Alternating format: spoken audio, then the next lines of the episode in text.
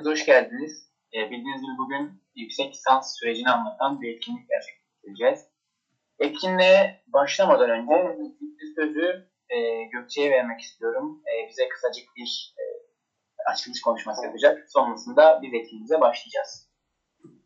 Ee, Teşekkür ederim.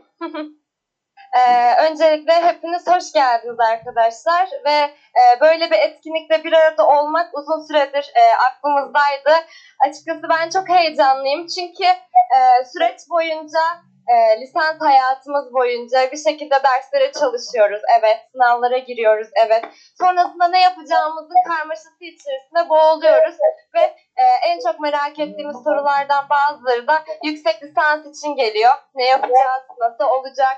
E, nelere gitmeliyiz, nasıl ilerlemeliyiz, süreç nasıl işliyor gibi birçok soruyla boğulduğumuzu hisseder gibi oluyoruz hatta. Bu yüzden e, bu projeyi gerçekleştiren arkadaşlarıma çok teşekkür ediyorum ve şu an burada bulunan herkese geldikleri için de e, ayrıca sevgilerimi gönderiyorum. E, ve bugünün e, özel bir gün olması da ayrı bir hoşluk oldu hepimiz için. Burada bulunan bütün arkadaşlarımızın psikolojik danışmanlar gününü canı gönülden kutluyorum. Ee, ilk kutlamamızı da gerçekleştirmiş oluyoruz böylelikle. Ee, sözü daha fazla uzatmak istemiyorum. Ee, ve size tekrar tekrar sevgilerimi gönderiyorum. Projenin sahiplerine bırakıyorum mikrofonu. Teşekkürler arkadaşlar. Biz teşekkür ederiz Gökçe e, işten dileklerin için. E, şimdi birazcık etkinliğin genel e, formatı hakkında e, bir şeyler söylemek istiyorum. E, bildiğiniz gibi bir form açmıştık ve bu formdan sonra sizden gelen soruları cevaplayacağız. İlk kısmımız bu şekilde olacak. Soruları cevaplayıp e, bitirdikten sonra da e, bu cevap şeklinde devam edecek. Eğer sizin sorularınız varsa süreç içerisinde not alabilirsiniz. E, ve bu sayede de sonrasında soruları, kendi sorularınızı sorabilirsiniz. E, daha sonra da şunu eklemek istiyorum. Bugün e, burada aramızda iki tane misafirimiz var e, Can ve Üzeyir arkadaşlarımız. Bunlar henüz yüksek lisans yeni kazandılar e, ve Çiçeği Burnu'nda yüksek lisans adayları diyebiliriz bunlara. E, bunlar da kendi süreçlerinden birazcık bahsedecekler bize. Yeni başladılar. Ben şu an ilk ders dönemimi bitirdim. Tez dönemindeyim. Biraz eskidim diyebiliriz. O yüzden onlar da henüz süreci yeni atlatmış, yeni yaşamış arkadaşlarımız olarak bize yardımcı olacaklar. Genel olarak sürecimiz bu şekilde sorularınızı not alıp en sonuna saklarsanız çok seviniriz. E, bu süreci de Göksu arkadaşımızla birlikte götüreceğiz. E, dilerseniz yavaş yavaş başlayabiliriz. Öncelikle kendimi biraz tanıtayım. E, ismim Ramazan Kadıoğlu. E, Çanakkale 18 Mart Üniversitesi lisans mezunuyum. Bitirdiğim sene yüksek lisansa başladım. Şu anda Necmettin Erbakan Üniversitesi'nde yüksek lisansıma devam ediyorum. Az önce belirttiğim gibi derslerimi bitirdim. Şimdi tez aşamasındayım. Ve e, yaşadığım süreci e, size anlatmak e, istedim. Bunun için de böyle bir etkinlik gerçekleştirmek istedim. Proje birimiyle birlikte. E, şimdi sözü hemen e, Göksu'ya bırakıyorum. O da kendini biraz tanısın ve biz de hemen sorulara hızlı bir şekilde geçelim. Göksu. Arkadaşlar öncelikle hepiniz hoş geldiniz. Değerli vaktinizi güzel ayırdığınız için çok çok çok teşekkür ederim. Ee, ben Göksu Upa'ya daha yeni katıldım. Sanırım Nisan gibi falandı. Ben de İstanbul Medipol Üniversitesi'nde 3. sınıfa geçtim. Ee, bu programın soru cevap kısmında soruları ben soracağım. Ee, biraz sohbet havası, e, havası içinde ilerleyeceğiz bu programda. Ee, istersen başlayalım Ramazan sorumuzla. Tamamdır. Sen ilk soruyu sormadan ben şu eklemeyi yapayım. Ee, tamam. Muhtemelen Can ve e, Üzeyir de bu süreçte bize bahsedeceklerdir. Ee, yüksek süreci birazcık e, çok kişisel bir süreç. E, kişiden kişiye değişebiliyor. Dolayısıyla bugün burada anlatacağım şeyler, benim vereceğim cevaplar. Yani arkadaşlar bunları yaparsanız sans kazanırsınız. E, garantili bir şey değil. Sadece bu benim kendi sürecim ve bu yüzden de başlık olarak e, yüksek lisans yolculuğumu seçtim. Çünkü e, dediğim gibi bu özel bir süreç ve sadece ana hatlarına e, değinebilirim. Çünkü e, Can da, Üzeyir de bahsedecektir. E, herkesin farklı bir e, aşaması oluyor. Kendi süreci e, farklı oluyor. Dolayısıyla e, sadece bakış açısı kazanmanız ve merak ettiklerinizi cevaplamak için buradayız. E, bunu dikkate alalım istiyorum ve istersen ilk soruyla başlayalım. Tabii ki. Ee, öncelikle istersen hangi alanda yüksek lisans yaptığını açıkla bize ve daha sonrasında da e, bu kararı nasıl verdin, neden yüksek lisans yapmak istiyorsun, neden başvurdun bu yola bunlardan birazcık bahset. Tamam. Ee, şöyle ki e, aslında bizim PDR e, alanında farklı alanlar yani yüksek lisansta uzmanlaşacak alanlar gözüküyor. E, bu aslında e, format olarak var. Ama genelde üniversiteler bu alanları açmıyor. E, işte kariyer danışmanlığında uzmanlaşabilir, aile danışmanlığında uzmanlaşabilir. Ya da işte gelişim gibi bazı e, işte spesifik alanlarda uzmanlaşma hakkımız var. Ama genelde üniversiteler e, bu kontenjanları açmıyorlar. E, sanırım kariyer danışmanlığı Gazi Üniversitesi'nde var. Aile danışmanlığı birçok üniversitede var. Zaten birazdan tezli ve tesis farkını bahsettiğimizde e, bu birazcık daha netleşecek. E, ben nasıl seçtim? Ben bu alana gerçekten olarak başladım. Ve bu yüzden de PDR'nin dışına çıkmak istemedim. Özellikle yüksek lisansta birazcık daha genel eğitim almak adına ve kendi alanımı çok sevdiğim için e, bu alandan devam etmek istedim. E, ama tabii ki farklı alternatifler var. E, dileyen arkadaşlar e, bunlara başvuru yapabiliyorlar. E, sadece şöyle oluyor. Mesela gelişimi araştırmıştım bir ara. E, daha çok bir psikolojinin alt dalı olduğu için genelde bir sene hazırlık verebiliyorlar. Eğer başvuracak olan arkadaşlar varsa sonrası için bunu da göz önünde bulundurmaları gerekiyor. Üniversiteler başvuru koşullarında e, buna yer veriyorlar. Bunun dışında ben nasıl karar verdim? Ben üniversiteye ilk e, gittim ve ilk derse girdiğimde e, çok iyi hocayla tanışmıştım. İlk dersim ona denk gelmişti ve e, şunu söyledim. Evet ben burada olmalıyım. E, akademide olmalıyım. Ve yüksek lisans mülakatlarımın birçoğunda da hocalar bana hep sorduğunda neden seni alalım? Diğerlerinden farkın ne? Ya da neden istiyorsun? gibi sorular sorduklarında ve ben hep bunu söyledim. E, kendimi oraya ait hissediyorum ve orada çok daha başarılı olacağımı düşünüyorum. Bu sebeple de e, bu alanı seçmemde en büyük etken bu oldu. Ben e, üniversite birinci sınıf e, ilk derste karar vermiştim buna. E, şimdi de bu yolda. Hı hı. Peki e, sonuçta Türkiye'de birçok üniversite var ve aslında hani e, üniversite sınavına hazırlanırken birçoğumuzun aklı çok karışıktı. İşte hangi üniversiteye gidelim, hangi bölümü seçelim gibi. E, bence aynı süreçler yüksek lisans için de devam ediyor. E, birçok farklı alan var. Yani sadece e, PDR için değil, PDR dışında da yüksek lisans yapabiliyoruz ve inanılmaz fazla seçenek var. Yurt içi, yurt dışı. Sen hangi üniversitede e, yapacağına nasıl karar verdin? E, aslında burada tam e, olarak misafirlerimizi de işin içine katmak istiyorum. Çünkü hem Üzeyir hem Can ikisi de lisansta tamamladıkları e, üniversitelerde yüksek lisans yapıyorlar. E, istersen şöyle yapalım. Onlar kendi üniversitelerinden neden devam ediyorlar? Anlatsınlar bize. Sonrasında ben niye farklı bir üniversiteye geçtiğimi anlatayım. Bu sayede hem de bir kıyas yap e, avantajlar ve dezavantajlar kısmında konuşmuş olalım. E, ne dersin? Tamam, çok iyi olur. O zaman ilk sözü Can'a verelim. E, Can, öncelikle hoş geldin. Hoş bulduk. Merhaba Ramazan. Merhaba. E, zannediyorum ki soruyu duy. E, evet. Sen bu süreçle ilgili neler söylemek istersin? Kendi okulunda devam etmek. E, öncelikle biraz kendinden bahsedersen tabii ki. Seni de tanıyalım. O zaman ben önce kendimi anlatayım sonra soruya geçeyim. Tamam. Ee, merhaba arkadaşlar ben e, Şükrücan Özüak, Başkent Üniversitesi e, PDR programını onur öğrencisi olarak ve sınıfında dereceyle bitirdim ve ardından e, yine aynı üniversitemde e, birincilikle yüksek lisansa kabul edildim. Kendi üniversitemi tercih etmemdeki aslında en büyük sebeplerden birisi hocaların beni tanıyor oluşuydu. Ve e, hocaları e, beni tanımasıyla beraber hani çalışmak istediğim, e, üretmek istediğim makale veya tez konularında e, benim hani az çok fikirlerimi tahmin ediyorlardı ki hatta e, kabul edildikten sonra da e, bir hocamız tam olarak benim çalışmak isteyeceğim bir konuyu e, bana sundu istersen bunu çalışabiliriz diye ki normalde yeni başlamış gibi çok erken ama hani e, böyle, böyle bir artısı oldu e, ve e, aynı zamanda ben ruh sağlığı alanında yüksek lisans yapmak istiyordum.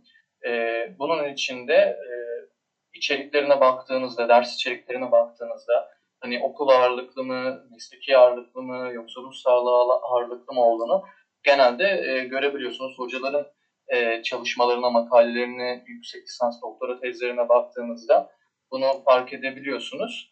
E, ve benim hocalarım da ruh sağlığı alanına çok yatkındı. Öyle olunca hani hem e, kendi istediğim alanda zaten e, yüksek lisans yapabilme imkanım olduğu için ruh sağlığı alanında, ruh sağlığı psikolojik danışmanlığı alanında yüksek lisans yapabilme imkanım olduğu için hem de hocalarımla e, bir tanışıklığım olduğu için e, böyle bir tercihte bulundum. E, Can sanırım sen e, şimdi başkenttesin ve senin e, orada bursluluk durumun da var. Biraz da ondan bahset bize. Hem de özel üniversite düşünen arkadaşlar için de e, bir farklılık olmuş olur. Evet tabii. E, ya bu durumu açıkçası ben de tam olarak bilmiyordum. E, ben de kazandıktan sonra öğrendim. E, yeni düzenlemeye göre özel üniversiteler program başına e, yüzde, en az yüzde 15 öğrenciye kabul edilen yüzde 15 öğrenciye e, burs imkanı sağlıyorlar. Ücretsiz okuma desteği sağlıyorlar. E, bizde 14 kişi kabul edildi ve yüzde 15 olarak da e, ilk iki kişi kabul edilen yani sıralama yapıldı ve e, sıralamada kabul edilen ilk iki kişi e, burs imkanı kazandı. E, şu an e, ben birinci olduğum için ve altındaki diğer ikinci arkadaşım e, de ikinci olduğu için ücretsiz okuyacağız. Çok iyi. Ben de bunu bilmiyordum. E, Can'la yayına konuşurken konuştuk. Ben de bunu fark ettim. Burada yine sonrasında özel üniversite için düşünen arkadaşlara e, büyük bir artı sağlar zannediyorum. Can eklemek istediğin başka bir şey var mı? Yok teşekkür ederim. Teşekkür ederiz. O zaman hemen e, Zehir'e bırakalım. Zehir de e, kendinden bahsettiğince sonrasında e, aynı üniversitede devam etmenin avantajları veya dezavantajlarını bize bahsetsin. Sesim geliyor mu? Evet, seni duyuyor diyoruz. Ee, öncelikle merhaba. Umarım herkes iyidir. Ee, ben Üzeyir. Geçen yıl Pamukkale'den mezun oldum. Ee, geçen yıl mezun olduğumda eve dönmem gerekiyordu mecburen. Ee, geçen yılda elimde bir puanım vardı. 55 puan almıştım. 3. sınıfta girdiğim bir puanında. 55'te yani 50'nin üstü sınır birçok üniversitede. Dili baz alan üniversiteler genelde 50 sınırı koyuyor. E ben de 55 alınca biraz rahatlamıştım açıkçası. Bir saniye.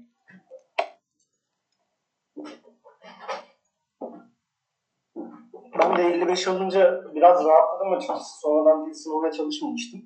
E, lisans hayatımda da 3 ve 4. sınıfta 4 kez öylesine çalışmadan ALES'e girmiştim. E, 78, 79, 80, 81 falan almıştım. E, ortalamam da 3.29'du mezun olduğumda. E, bu pek yeterli değildi benim için. Aslında birçok üniversiteye, yani 3-5 üniversiteye çok rahat bir şekilde e, girebilirdim yüksek lisansta. Ee, ama istemedim. Mesela Muğla'ya girebilirdim açıkçası. Çünkü benden daha düşük puanla giren arkadaşlarım vardı. O yüzden de diyebiliyorum. Belki de giremezdim bilmiyorum. İddialı konuşmak da istemiyorum fazla. Ama oralara girmek istememiştim. Ee, sadece Antalya'yı denedim geçen sene. Eğer olursa oraya girmek isterdim. Pamukkale'yi hiç denemedim istediğim halde. Çünkü ben hocalarımı tanıyorum. E, hepsini gayet yakından tanıyorum. Sadece 5 kişi alıyorlar yıllardır e, yüksek lisansa bayağı önem veriyorlar. E, dil barajı da var. ALES'e de bakıyorlar ama onlar için yazılı sınav ve bilim sınavı şey, mülakat daha önemli. Yani bu zamana kadar ben lisans hayatına başladığımdan beri hocaların hiç sırf bizim öğrencimiz diye öğrenci aldığını duymadım, görmedim. Ee, ondan sonra eve dönmek zorunda kaldım geçen gün. Ee, ALES çalışmaya başladım. Aralık, Aralık'taki ALES'e yaklaşık bir buçuk ay son 20 günü sıkı olmak üzere çalıştım. 88 puan aldım ALES'ten. Ee, 2019 Aralık 2019 Kasım'daki ALES'ten. E, dil, puan, dil puanım da vardı. E, bu ara tatilde Adana'da yaşıyorduk biz. Çukurova'nın sınavına girdim. E, açıkçası ben lisans hayatımı biraz lay lay geçirmiştim. Yani ortalamam 3.29 ama e, çok fazla çalışmamıştım. Son günlerde çalışıp geçmeye bakıyordum dersleri. E, o yüzden teorik bilgim çok fazla yoktu. O yüzden bilim sınavından dolayı Çukurova'ya giremedim ara tatilde geçen yıl. Hmm, puanlar ALES'in iyi olmasına rağmen. Daha sonra KPSS çalışmaya başladım ben Şubat ayında evde. Ee, KPSS çalışmanın bana yararı şu oldu. Teorik bilgimi gerçekten ciddi düzeyde arttırdım. Ee, sonuçta KPSS çalışmak sadece sınava yönelik çalışmak değil diye düşündüm. Ee, lisansı biraz lay lom geçirdiğim için e, o eksiğimi kapatmış oldum. Pamukkale'ye gelince e, Pamukkale'yi neden istedim? Çünkü hocalarımı gerçekten seviyorum. E, bizim üniversitenin hocaları da bana göre gerçekten iyi, iyiler. E, tabii ki profesör sayılarının önemi yok ama 8 tane profesör var bizim Pamukkale'de. Sadece PDR'de. Onun dışında 2 tane doçent olması lazım. E, hocalarımı yakından tanıyordum ve lisans hayatında hocalarımdan, kendi hocalarımdan yeterince faydalanamadığımı düşünüyordum. Mülakatta da onlara bunu söyledim. O yüzden Pamukkale'ye geldim. Şeyden, sınavdan tam sonraki güne koymuşlardı. Öncesini koysalar gelemezdim. ÖABT sınavından, KPSS'den. Atladım geldim. Ee, yazılı sınava girdim. Benim için iyi geçti. İyi de bir puan almıştım. 80 almıştım yazılı sınavda. Geçen senenin birincisi de 79 almıştı sanırım. O KPSS çalışmam orada etkili oldu açıkçası. İşime yaradı yani. Daha sonra mülakata girdim. Mülakatım da iyi geçti. 5-6 soru falan sordu hocam. E, stres, kaygı ve depresyon arasındaki farkı sordular. Tam olarak açıklayamadım ama e, yine de biraz açıklamaya çalıştım. E, daha sonra istatistik konusunda bir soru sordular. Cevap verdim. Yine orada KPSS çalıştığım için biraz faydası oldu. Aslında bunları lisansta da öğretiyorlar ama e, ben son günler çalıştığım için unutmuştum. E, daha sonra kuramlar hakkında biraz soru sordular. Mülakatım da iyi geçti. Böyle girdim Pamukkale'ye işte. Bilerek isteyerek girdim. Ee, yüksek lisans yapmak istememin sebebi de lisans hayatı bana yeterli gelmedi. Yani bu konuda gerçekten düşündüm. Ben yüksek lisans yapmalı mıyım? Yapsam benim ne işime yarayacak diye bol bol düşünecek vaktim oldu evdeyken. Geçen 2019'da mezun oldum ben. Sonrasında bol bol bunu düşündüm. Ee, yüksek atanırsam mesela eğer KPSS çalıştım, girdim. Sonucu iyi gelebilir, kötü gelebilir. Eğer atanırsam yüksek lisansımı yaptıktan sonra e, tayin istediğimde bana çok ciddi bir puan getirisi olacak. Orada işime yarayacak. E ben yüksek lisans yaptıktan sonra, tezimi yaptıktan sonra e, ciddi düzeyde alanda gelişmiş olacağım. Eğer üstüne yoğunlaşırsam. Bu da ciddi bir avantaj. Daha sonra eğer doktora yapmak istersem devam edebileceğim. E, böyle eğer sorularınız varsa alabilirim. E, Ramazan'a teşekkür ediyorum beni davet ettiği için. Bu, bu tanıdığım arkadaşlarıma tekrar merhaba diyorum. Tanımadıklarıma da merhaba diyorum. bu kadar. Evet, teşekkür ederiz. Ee, ben bu araya girip bir şey sorabilir miyim Üzeyir'e? Tabii Tam ki. konuyla alakalı. Tamam. Ee, lisansı bir, birazcık laylahlon geçirdiğini söyledi. Ee, şu an yüksek lisans yaparken mesela lisansı boşlamanın zorluğunu hissediyor musun? Hani o sınav sürecinde değil de şu an yaparken. Hoş daha yeni başladın ama Ya e, daha geçen hafta girdim sınava. Aslında dersler falan da başlamadı. 5 Ekim'de başlayacak. Hı. Yani açıkçası çok fazla zorlanacağımı düşünmüyorum. Çünkü teorik eksikliklerimi kapattım. E, farklı bir üniversitede de değilim. Bu aslında önemli bir şey. Dersime girecek tüm hocaları tanıyorum. E, bir, iki tanesi lisansta benim hiç dersime girmedi. Ama onlardan tanıyorum. Kulüp başkanlığı yaptığım dönemde e, iletişim onlarla da bol bol olmuştu. O yüzden çok zorlanacağımı düşünüyorum ama eğer farklı hiç tanımadığım, bilmediğim bir üniversiteye gitseydim e, belki zorlanabilirdim hocaları tanıma konusunda. Hocalar benden ne istiyor acaba e, diye hani bazen zorluk çekebilirdim diye düşünüyorum. Birkaç üniversiteye daha başvurmuştum aslında. E, ama aralarında PAU yerine tercih edeceğim e, sanırım yoktu ya. Mesela Gazi'ye başvurdum. E, giremedim açıkçası. Çünkü yazılı ve bilim sınavı yapmadı. Sadece puanla aldı. E, haliyle puanı en yüksek olanlar girdi. Ama gelse de sanırım PO'yu seçerdim. Çünkü hoca, hocaların tanıdık olması gerçekten önemli. Ee, sadece hocaların tanı, tanıdık olması önemli değil bu arada. Hani bu da yanlış anlaşılmak istemem. Yani kendi bulunduğunuz, mezun olacağınız üniversitede yüksek lisans yapın demiyorum kesinlikle. Ee, benim üniversitem yüksek lisansta iyi olduğu ve gerçekten yüksek lisansa çok önem verdikleri için istedim. Hani bu ikisi önemli bir faktör.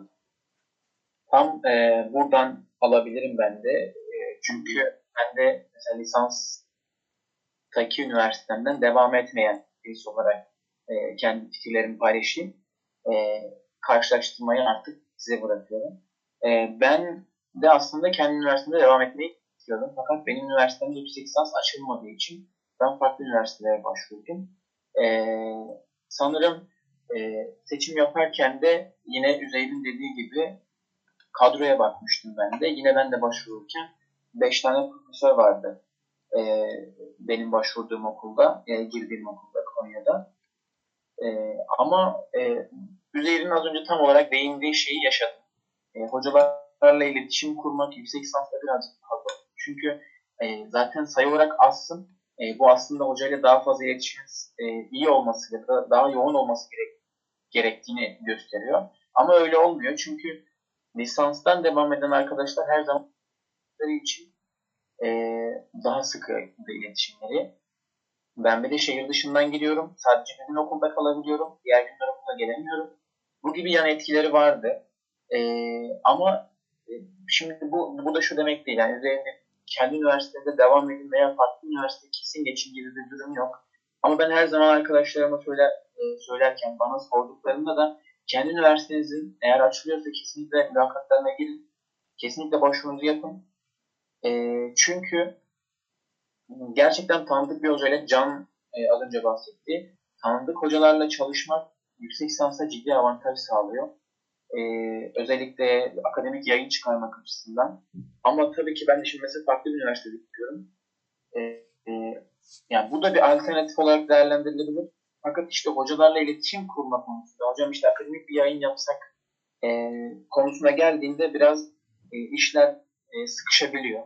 Ama her, her üniversite için böyle midir bilmiyorum. Belki benim özel bir şey. Benim hocalarım var biraz. Direkt benimle alakalı olabilir. Bilmiyorum. E, yani hem kendi üniversitede, üniversitemizde hem de başka üniversitede mutlaka başvurmanızı öneriyorum.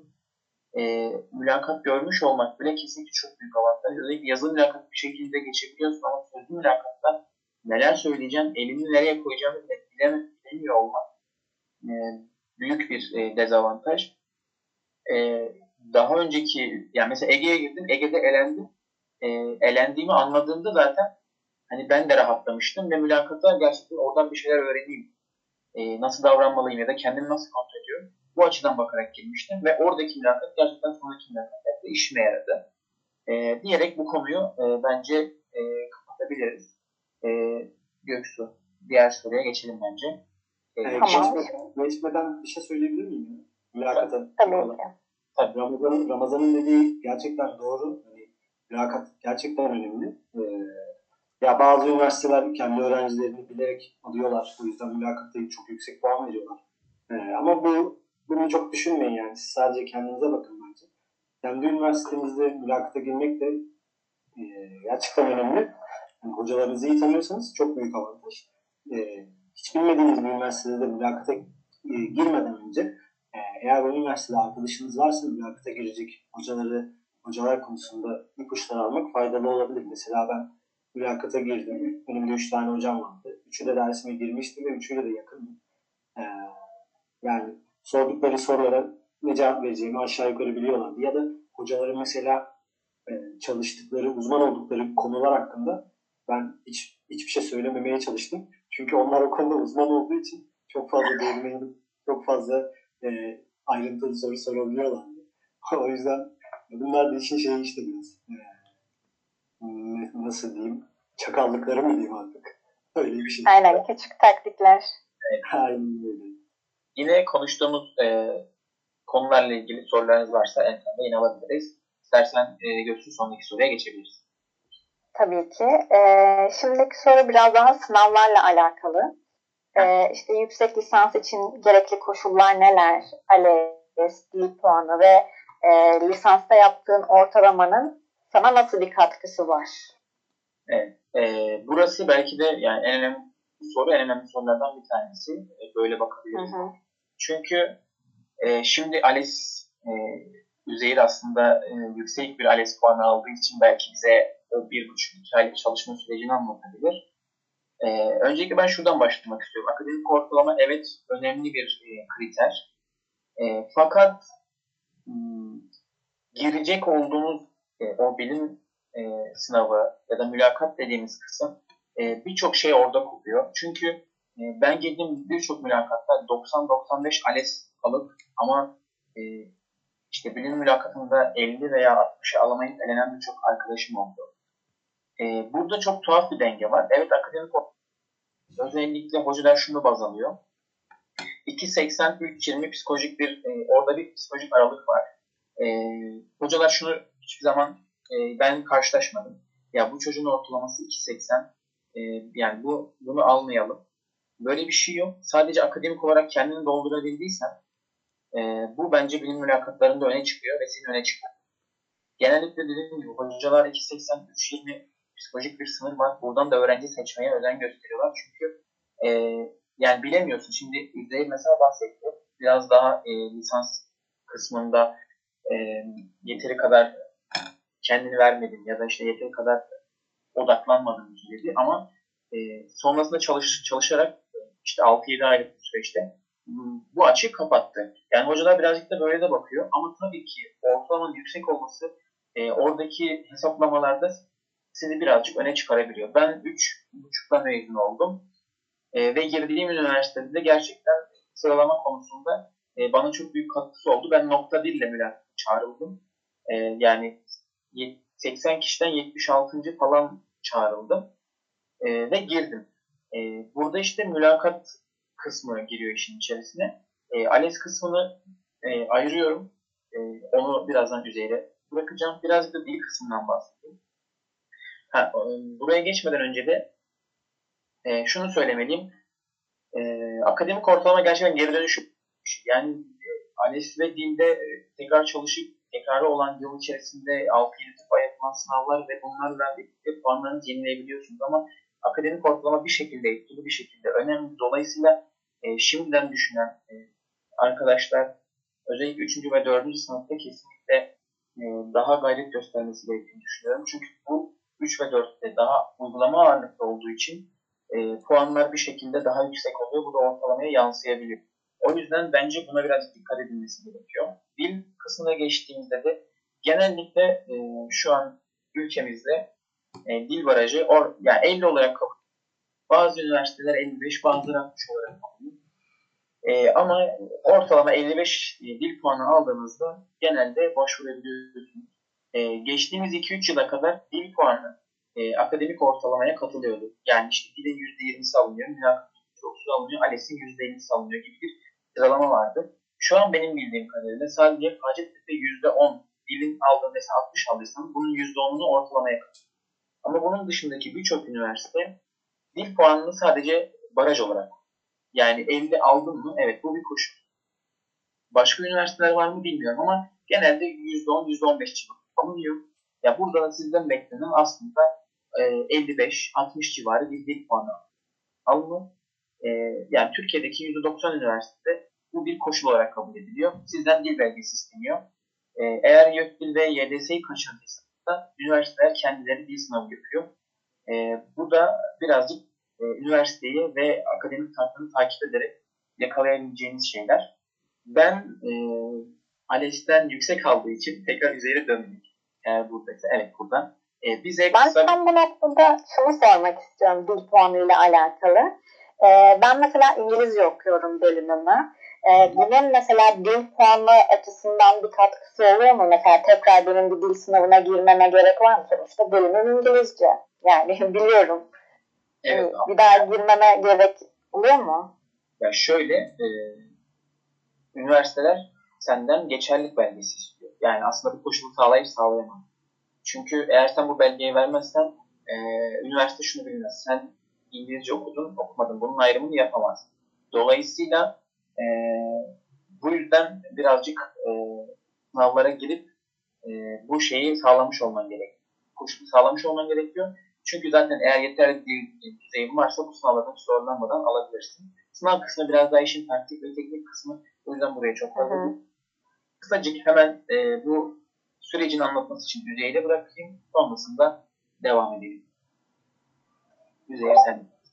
Hmm, tekrar merhaba.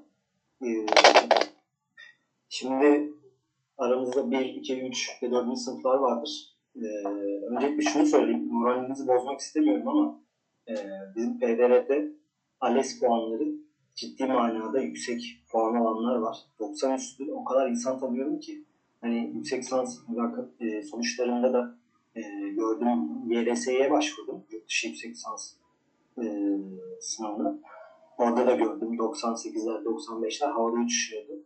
Hani bunun sebebi ne derseniz eskiden bu yoktu. Önce bunu açıklayayım bir kısaca hani e, arkadaşların daha iyi anlaması için. E, neden e, derecilerin ALES puanları bu kadar çok yüksek? E, öncelikle yaklaşık 4-5 yıl önce bizim bölümde e, atama sayıları gittikçe düştü. Atama oranları diyeyim daha doğrusu. E, mezun oranlarının neredeyse %70'i 80'i hatta 8, 8 sene önce falan %100'ü atanırken şu an atanma oranı e, sınava giren kişi sayısı 20 bin dersek 2000 kişi at- atasalar %10 falan, %5, %10 atama oranı var. O yüzden insanlar farklı seçeneklere yöneliyor. E, KPSS dışında ilk seçenek yüksek lisans olarak görülüyor. Aslında yüksek lisans kimseye iş vermiyor. Evet. Ama insanlar bunu fırsat olarak görüyor, işte alternatif olarak görüyorlar. Ve yüksek lisans içinde bir ALES puanı geliyor. O yüzden insanlar e, akademisi çalışmaya, daha sıkı çalışmaya başladılar. Önceden e, öylesine gidip 70-80 alarak yüksek lisans kazanırken e, artık biraz daha yüksek puan gerekiyor açıkçası. Hani nereyi istediğinize de bağlı. E, eğer Hacettepe gibi e, İstanbul Üniversitesi ya da Marmara Üniversitesi gibi üniversiteleri istiyorsanız en azından 85 puanın üstüne ihtiyacınız olacaktır. E, ben dediğim gibi 4 kere ALES'e girdim lisans hayatımda. Üçüncü sınıfta girdim ilk defa. Üçüncü sınıfın son döneminde. Ee, girdiğimde Türkçeyi iyi yapmıştım. Ama matematiği 50 soruda 18 doğru 3 yanlış yapmıştım. Ee, ve sınavdan çıktım. Yani ilk defa 3 yıl sonra matematik sorusu çözmüşüm sonuçta. Ya dedim ben bunları nasıl unutmuşum? Öyle unutmuşum ki e, e, benim YGS matematiğim de iyiydi. Bu sorular çok kolay ama ben bunları yapamadım dedim. Biraz hırs, hırslandım orada açıkçası. Evet. Daha sonra dördüncü sınıfa geçtim. Ee, yine ALES'e başvurdum. Çalışmadan girdim. Yine aynı puanı almaya çalışıyorum. Tekrar tekrar böyle dört defa girdim. Ee, en yüksek aldığım puan 81 falan ya da 79 tam hatırlamıyorum şu an. Sayısal sözel eşit ağırlık olarak 3'e ayrılıyor.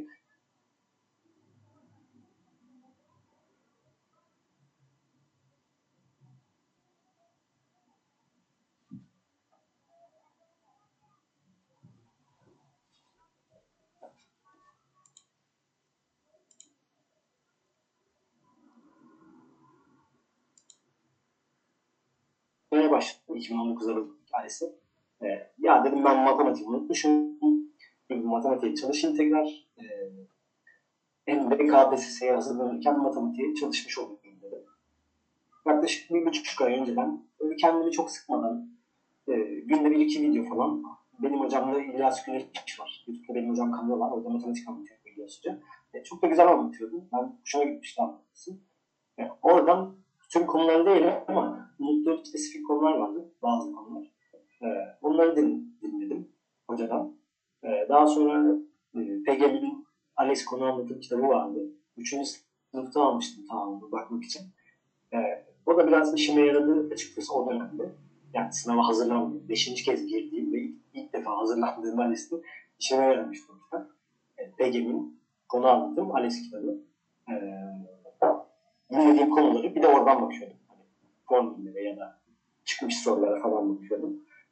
Ee, böyle böyle e, biraz çalıştım, konu çalıştım. Daha sonra bir ay kala e, deneme çözmeye başladım ALES'ten. Önce 10 gün falan, 2 günde bir deneme koydum kendime. E, deneme çözüyordum. Yanlışlarımı analiz ediyordum. Analiz ediyordum. Bu arada çözdüğüm denemeler herhangi bir yayının denemeleri değil. Yani ÖSYM'nin direkt kendi ALES soruları. ALES'e çalışacak arkadaşlar kesinlikle işte yargının açık açık isim vereceğim. Yargı, yedikli, hiçbir yayın peygambere dahil. Hiçbirinin ALES e, denemelerinin eğer varsa bilmiyorum. Vardı sanırım. Benim ben hazırlarken vardı. Sakın almayın. Hiç tavsiye etmem. E, ÖSYM'nin ben 2012'den ya da 2010'dan sonra tüm ALES'lerini çıktı almıştım. Ki zaten e, şu an ALES 100 soru. E, hangi yıldan önce olduğunu unuttum ama 180 soruydu sanırım. Ramazan sen hatırlıyor musun? Evet, 2000 sonbahardan öncesiydi zannedersem. Ee, sonbahardan. Öyle hatırlıyorum. Ee, sözel bir sözel iki, sayısal bir ve kısa iki olarak totalde işte 160 Aynen. Aynen. Ben onları iki sınavda çözüyordum mesela. Yani ayırıyordum. Çünkü o yıllarda sayısal bir, sayısal iki, sözel bir, sözel iki diye 40, 40, 80, 160 soru vardı. Yani Evet. 80, 80 e, onları çözüyordum yani tek teklerimi. E, zaten ÖSYM'nin sitesinde ALES çıkmış sorulara bakınca yaklaşık 20-25 tane deneme olacak elimizde. Ki ALES için 20-25 tane çıkmış deneme çözmek çok iyi bir şey. Ben zaten öyle yaparak hazırlandım. Son 20 gün, e, o zamanlar İstanbul'da oturuyorduk. E, kalkıyordum sabahları. Kalkıyordum, kahvaltımı yapıyordum. Aynı sınava gider gibi kütüphaneye gidiyordum. Saat 10'da denemeyi çözüyordum. Saat tutarak tabii ki. Ee, Döndükten sonra yanlış yaptığım sorulara bakıyordum. Ee, bunları analiz ediyordum. Niye yanlış yapmışım, nerede yanlış yapmışım falan. Ee, daha sonra bittikten sonra bir iki tane yine matematik konumuz uygulusu izliyordum. Hmm, Biraz da paragraf çözüyordum. Yani çok sıkmadım açıkçası. Zaten hani KPSS evet günde 7-8 saat çalışılacak bir sınav ama ALES 4-5 saat çalışarak son bir ayda yapabilirsiniz. Tabii burada eksiklerinizi belirlemek gerekiyor. Bence en önemli şey bu. Hani kendinize önce bir deneme yapmalısınız. Ee, mesela ÖSYM'nin 2018'den bir denemesini çözüp ben neleri unutuyorum liseden sonra e, hangi konuları iyi hatırlıyorum e, o kadar zaman geçmesine rağmen diye ya da Türkçe'de mesela eksiklerim neler. Alex'te bu arada dil bilgisi yok. Sadece paragraf soruları var. Ee, Alex'in Türkçe soruları da gittikçe her sene, her sınavda zorlaşıyor. Ee, öyle değil bence. Matematiği çalışan herkes e, düzgün bir şekilde çalışan, eksikliklerini kapatan illa az çok yapabilir ama Türkçe'de ÖSYM bazı sözü yani Türkçe'yi olan bile yapamıyor. Ee, ben son sınavda o çalışmamla son 20 gün düzenli olarak deneme çözümüne girdiğim sınavda e, 44 doğru 5 yanlış yapmıştım matematikte. E, Türkçe'de 42 doğru 7 yanlış yapmıştım. Sözel 3 tane puanım 87.9 geldi. Sayısal puanım 88.4 gelmişti sanırım. E, şöyle bir şey var şimdi benim yaptığım netler e, eğer farklı bir ailese girmiş olsam 90 üstü puan gelirdi. Ama benim girdiğim sınav matematiği gerçekten kolaydı. Yani ben çözdüğüm dönemlerde 38-40 net falan yapıyorum. Bir de 4 net falan, 3-4 net fazla yaptım. Ve hatta bu yüzden sayısalcı arkadaşlar Twitter'da falan ee, önceki ALES'lere göre 8-10 net yüksek yapıp puanları daha düşük gelmişti. Ee, bu benim işime yaramıştı. Ee, öyle yani ben bu şekilde çalıştım. Siz bunları kendi, bunları yapın demiyorum. Ee, siz bunları uyarlayabilirsiniz en fazla. Ee, burada kendinizi tanımanızı, yani kendi eksikliklerinizi belirleyip e, ona göre davranmalısınız. Benim söylediğim kendinize 90 hedefi koyabilirsiniz. Kesinlikle yüksek bir puan değil. Sakın şey yapmayın. Sadece Türkçe matematik. Sonuçta PDR okuyan herkes belli bir seviyesi var. Belli bir seviyedeyiz biz. Bizim bölümdeki insanlar bunu yapabilecek kapasitede zaten alıyorlar bu puanı. Kendinize 90 hedefi koyun. 80-90 arası gayet iyi. Her yere girebilirsiniz 85-90 arası puanla. Ee, yanında bir de 50, en az 50 dil puanı olsun. Ee, üçün üstü ortalamayla. Ee, böyle kalan tek şey mülakat oluyor yani. Mülakatı iyi yapan, yani mülakatta hocaların sorularına ortalama cevaplar veren bu puanlarla girebilir yani. Teşekkür ederiz Zehir bizimle paylaştıkların için. E, şimdi Gök, istersen bir sonraki soruya geçelim. Süreyi de gözeterek çünkü muhtemelen son kısımda olacak. Ee, seni dinliyorum. Tamam. Yüksek lisans yolculuğunuzda yaşadığınız zorluklar nelerdir? Ya, bu soru aslında az önce bahsettiğimiz birçok şeye denk geliyor. Yani birçok e, sorunla karşılaşılıyor. İşte bir puanı almak, ALES, ALES'te yeterli puan almak, mülakat geçmek. Bunların hepsi başlı başına e, kendi içerisinde bazı zorlukları var. Ama e, yani aşılamayacak bir zorluk e, yok. Çünkü yani bir şekilde birileri kazanıyor. Ve bir şekilde birileri bu zorlukları aşıyor. O yüzden bence e, zorluklara, sıkıntılara odaklanmaktansa çözüm odaklı gidip e, gerçekten istiyorsak bunun için gerekli mücadeleyi vermemiz gerektiğini düşünüyorum. Hı hı. Bir diğer sorumuz, bilimsel sınavda ve mülakatta dikkat edilmesi gereken temel hususlar. Ee, burada şöyle aslında çok net bir kalıbı yok bunun. Çünkü e, Can da en başta söyledi, Üzeyir de bahsetti. Biraz da hocaları tanımak önemli. Buradaki en önemli şey hocaların çalışma alanlarını gerçekten bilgi. Ve e, yani sizin bu konudaki fikriniz, mesela Üzeyir az önce dedi ki e, hocaların gerçekten çalıştıkları alanda çok bir şey söylemek istemedi. Bu aslında e, dikkat edilmesi gereken bir şey. Eğer bu konuda kendini hissetmiyorsan e, hoca seni çok rahat bozabilir orada ve eğlenebilirsin. E, yani aslında gerçekten mülakatta yuvarlak olmak dediğimiz e, bir durum var. E, çok böyle bir taraf olmadan konuşmak ama tabii ki boş cevaplar vermemek. Bunlar çok önemli. E, genel intiba olarak da zaten belli puanları alıp kendinizi yeterince ettiğiniz yazılı e, Niye buraya mülakat getirdin o telefonu? e, sözlü mülakatta genel olarak çok bir e, problemle karşılaşılmıyor. Çünkü zaten siz sözlü mülakata geldiğinizde belli bir puanla geliyorsunuz. İşte sizin ALES'iniz, diliniz, e, akademik ortalamanız ve yazılı sınavdan aldığınız puanlar hesaplanmış olarak geliyor. E, hocalar gerçekten orada e, sizi e, almak istiyorsa ya da almak e, almaya niyetlilerse çok fazla sizi e, ters köşe yapmıyorlar. Ama burada tabii ki hocaları bilmek, çalışma alanlarını bilmek, nereye gidip ne cevap verip ne cevap vermeyeceğiniz de çok önemli. Bence bu e, böyle söyleyebiliriz çünkü her üniversitede her hocaya göre değişen bir durum maalesef. Yani aslında mülakata gitmeden önce böyle bir hocaların alanlarını araştırıp gitmek bizim daha çok yararımıza olur galiba. Kesinlikle. Hangi Yani- alanda daha iyiler? Evet, hocaları tanımak adına, çalışma alanlarını bilmek adına çok Hı hı. Ee, peki bu, bununla bağlantılı olarak mülakatta ne gibi şeyler soruyorlar? Mesela sana ne, neler sordular? Biraz örnek verebilir misin? Ee, ne gibi şeyler soruyor? Mülakat e, soruları genelde ikiye ayrılıyor. Birincisi bir önceki soruyla bağlantılı. Hocaların çalışma alanlarıyla ilgili sorular gelir genelde. Ee, yani kuramsal bir e, temel olan sorular olur.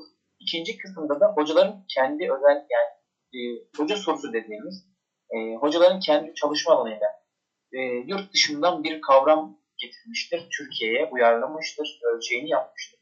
Testleri çalışmasını yapmıştır. Türkiye'ye katmıştır. E, çok bilinmeyen bir konudur. Bununla ilgili bir soru gelebilir. E, Hmm. bu biraz e, aslında gerçekten ters bir şey. Ama onun dışında genel olarak e, zannediyorum soruların içerisinde de var. Dikkat etmemiz gereken, e, ağırlık vermemiz gereken dersler olarak. Aslında bu iki soruyu birleştirelim. Neler geliyor ağırlıklı olarak? Bir kere kesinlikle psikolojik danışma kuramlarından e, e, net soru var. Yani hangi mülakata girerse ilgili kesinlikle buradan soru geliyor. Bu konuda da e, kuramların genel zihniyetine hakim olmamız gerekiyor. Genel olarak ne anlatmaya çalışıyor? E, kuramların dünya görüşü dediğimiz şey. Bunlara hakim olmamız gerekiyor. Aynı zamanda e, yani psikolojik danışma kuramları dersine hakim olmamız gerekiyor. E, ikinci unsur kesinlikle e, bilimsel araştırma yöntemi dersi.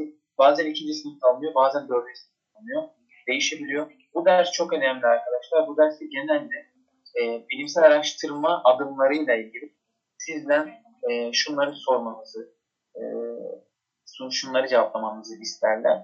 E, önü geçtiğimiz 2-3 seneye kadar bunlar sorulmuyordu ama artık e, bizden deneysel çalışmalar istiyor. Nasıl? Mesela bilişsel davranış terapi ekolünü kullanarak bir bilimsel araş, e, deneysel çalışma oluşturmamızı istiyorlar. burada bilmeniz gereken şey bilimsel araştırma basamaklarını bilmeniz gerekir. Bir de işte bağımsız değişken, bağımsız değişken nedir? Deneysel çalışma nedir? Bunları bilmeniz gerekiyor. Ben bunu kaç tane mülakata giden arkadaşım söyledim ve hepsinde de soruldu. Bu klinik psikoloji yüksek lisansında da soruluyor. PDR yüksek lisansında da soruluyor. Yani bu artık değişmez bir şey oldu. Bu yüzden mesela e, şöyle bir örnek verebilirim. Ege'de sorulan şöyle bir şeydi. Bir tane grup, iki tane grup veriyor sana. E, atıyorum depresyon düzeyini ölçeceksin bilişsel davranış terapi uyguladığın ve uygulamadığın iki ayırmanı istiyor. Ve bunu bilimsel araştırma basamaklarına göre e, yapacaksın. Bunun e, ölçeği sende. Burada mesela Beck depresyon ölçeğini bilmen gerekir. Kişisel bir sorununu bilmen gerekir. İşte tahmini sonuçları yine sende. E, işte bunun amacı, alt amaçları, problemleri bunların hepsi sende. Yani bunlara hakim olmak gerekiyor. Bu anlattığım her şey zaten genelde bilimsel araştırma tek bir ünitedir. E, buraya kesinlikle bakılması gerekir. Bu ders çok önemlidir. Çocuk danışma kuramlarının yanında. Üçüncü olarak sayabileceğim e, derste e, ilki teknikler dersidir. E, buradan da çok fazla soru gelir. Kesinlikle hemen hemen %90 mülakatların hepsinde e, danışma akışı ile ilgili e, ilke, teknik, yöntem bunların hepsi sorulabiliyor. Bu üçüncü ders buna dikkat etmek gerekiyor. Geliyor. E, duyamadım. Göksu bir şey mi sordun? Ee, ben biraz önce düştüm ve senin konuşmaların yarıda kesildi. Acaba senin sesin gitti mi yoksa benden kaynaklı mıydı? Kötü senden kaynaklı. Şu an bir sıkıntı yok. Tamam o zaman tamam, Tamam, devam edebiliriz. Devam ediyorum. Dördüncü olarak da bu bilgi genelinde ben bunu ayrı tutuyorum. İstatistik her e, yüksek lisans mülakatı sorulmuyor. Ama sorulan yüksek lisans mülakatları var. Az önce yüzeye bahsettim mesela onun e, mülakatında sormuşlar. E, bu ayrılıyor genelde. Ama e, alternatif olarak yine de özellikle orada e, bilmeniz gereken şeyler e, parametrik ve non parametrik işlemeyenler muhtemelen işleyecektir. E, burada şöyle bir durum var. Sanırım şu anki ikinci sınıflar istatistik almıyor. Onların mülakatlarında muhtemelen muhakkak olacaklar. Ama şu an üçüncü ve dördüncü sınıflar almış arkadaşlar. E, bence istatistiklere dikkat etsinler derim. E, ben genelde mülakatlarda yani patoloji sorusu, davranış bozukluğu sorusu genelde görmedim. E, karşılaşmadım. Arkadaşlarımın girdiği mülakat ama sorulabilir. Çünkü ana bir ders. Genel olarak bu dört derste çok dikkat etmek gerekiyor. E, özellikle bilimsel araştırma ve psikolojik danışma kuramları çok önemli. E, ikiye geçtim. Bu yıl alacağız demiş. Yani bu, bu konuda çok emin değilim. Üniversiteler seçmeli olarak koyabilir. Bu yeni sistem değiştikten sonra istatistik zorunluluktan kaldırıldı diyebilirim. Ama e, yine de hakim olmak gerekiyor. Çünkü yüksek lisansa girdiğinizde de bu konu e, mutlaka karşınıza çıkacak. İleri istatistik dersi alacaksınız. Bu kadar da bu konuda. Diğer soruya geçiyorum o zaman. Dinliyorum. Ee, tezli ve tezsiz yüksek lisansın farkları nelerdir? Ee, şöyle, e, bu evet bir kafa karışıklığı yaratıyor. Tezli ve tezsizde şöyle bir durum var arkadaşlar. Tezli yüksek lisans dediğimiz e, eğer hayatınız ilerleyen dönemlerinde kalan zamanlarda üniversitede, akademide yer almak istiyorsanız tezli yüksek lisans bunun için e, kriterlerden bir tanesi. Yani yüksek lisansın tezli olarak geliyor, gerekiyor. Tezsiz yüksek lisansta da e, hayır ben akademide yer almak istemiyorum ama yine de uzman ünvanı, ünvanımı almak istiyorum. Buradan ilerlemek istiyorum diyorsanız da tezsiz yapıyorsunuz. Tezli yüksek lisansta e, genel olarak e, bir sene, ilk bir sene ders dönemi, e, iki dönem ders, ders alıyorsunuz. Geri kalan ikinci senede yani geri kalan iki dönemde e, tezinizi yazıyorsunuz. Tezsizde de e, iki sene boyunca ders alıyorsunuz. Son dönemde e, bildiğim kadarıyla bitirme dönem ödevi tarzında bir e, akış var. Yani orada da böyle bir durum.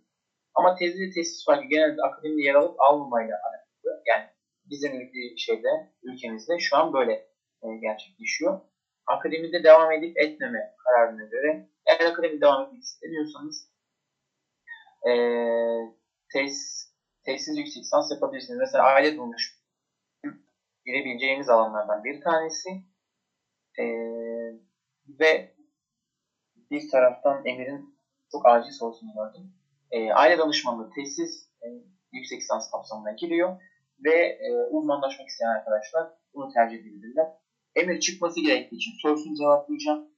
Özellikle yüksek lisans için de ALES puanı lazım mı ve diploma puanı çok önemli mi? Evet bu soruyu mesela şu an Can cevaplayabilir. Can sen şu an özel üniversitede e, yapıyorsun. E, ALES ve dil koşullarını, ALES ve diploma koşullarını kısaca bize bahseder misin? Evet, e, yine ALES puanına e, ihtiyacımız oluyor ve ALES çok önemli. Bizim üniversitemizde %50 ile e, yani %50'lik bir e, puan dilimi olarak alındı. E, diplomayı yanlış hatırlamıyorumdur umarım. %20 diye hatırlıyorum. Ama o da önemliydi yani %20 de e, gayet önemli bir e, puan dilimi. Yani ikisi de önemli evet. Hı hı. Teşekkür ederiz. Ee, diğer soruların e, şey sonunda dil e, Can sizin okulda dil koşulu var mıydı? Özel üniversitenin durumlarını bilmiyorum. Vardı. Yine bizden e, bizde de e, en az 55 dil puanı almamızı istemiyordu. Fakat e, alım sırasında e, dil puanının yüzdesi yoktu diye hatırlıyorum. Bir ön koşul olarak Evet. vardı sadece ama bazı üniversiteler tabii ki de e, dil puanını senin de dediğin gibi mesela Hacettepe e, dil puanı arayabilirler. Yani şeyde de e, sıralamada da. Tamamdır. Ee, diğer koşulları, e, soruları e, soruların bittikten sonra eğitim sonunda yine alacağım. Teşekkür ederiz e, Can. E, Göksu devam edebiliriz istersen sonraki soruyla. Tamam. Ee, birazcık tez aşamasını merak edenler olmuş. Tez aşamasını biraz anlatabilir misin? Ve daha sonrasında da e, yüksek lisans sırasında araştırma görevlisi veya asistan olma işleyişi nasıl ilerliyor ve e, neden tercih edilebilir? Avantajları neler? Ee, ilk soru tez aşaması ile ilgili bir soruydu. Tez Evet. oldu. Şimdi şöyle arkadaşlar, ilk sene dediğim gibi ders alıyorsunuz. İki dönem. Tezinizde normalde yüksek lisans e, iki sene gözüküyor ama e, üç sene içerisinde tamamlamış olman gerekiyor. Yani uzatabiliyorsun. Genelde tez aşaması uzatılıyor. Tez aşamasında şöyle, e, genelde danışmanınızla belirlediğiniz ama sizin kendinizi iyi hissettiğiniz, çalışmak istediğiniz, çalışmaya gönüllü olduğunuz alanlarda e, çalışma yapmak için danışmanınızla anlaşıyorsunuz ve bir test konusu belirliyorsunuz. Bu test konusunu belirledikten sonra e, artık sahaya iniyorsunuz ve işte bunun anketleri ölçü yani işte bu her zaman cevapladığımız e, bazen çok uzun bazen e, kısa olan e, anketler var. Bunları toplamanız gerekiyor. Bunların sonunda eski dediğimiz programda bunları analiz etmeniz gerekiyor. Ve bu süreçten sonra da artık e, tabii bu iş e, yaklaşık 6 bölümden oluşuyor ve e, sosyal bilimlerde genelde 100 sayfanın e, birazcık daha üzerine çıkan 90-120 sayfa arasında bir tez e, şeye, sayfası oluyor yani büyüklüğü buralarda. E, genel olarak ilgi duyduğunuz alanlar, yani bizim başlardaki sorulardan bir tanesi şuydu, e, alanınız ne? Aslında bizde şöyle oluyor, yüksek lisansında doktorada da, doktora tabii daha ileri e, kendi uzman, uzmanlaşmak istediğiniz alanlarda çalışıyorsunuz ve bu alanlarda tez yapıyorsunuz. Mesela çocuklara ilgi duyuyorsunuz. Çocuklarla ilgili çalışmak istiyorsanız tezinizi bu yönde ayarlıyorsunuz. E, konusunu bu yönde seçiyorsunuz ve tabii ki e, çalışırken de e, bu alanda uzmanlaşmış oluyorsunuz. Çünkü yurt içi ve yurt dışı e, literatür taramaları yapıyorsunuz. Sayısız makale ve kitap okuyorsunuz. Sayısız tez inceliyorsunuz ve dolayısıyla bu size ciddi bir yetkinlik kazandırmış oluyor. E, tez aşaması bu şekilde.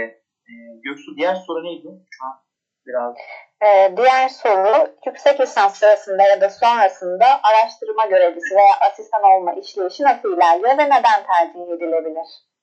E, neden tercih edilebilir? Bence istediğimiz için tercih edilebilir.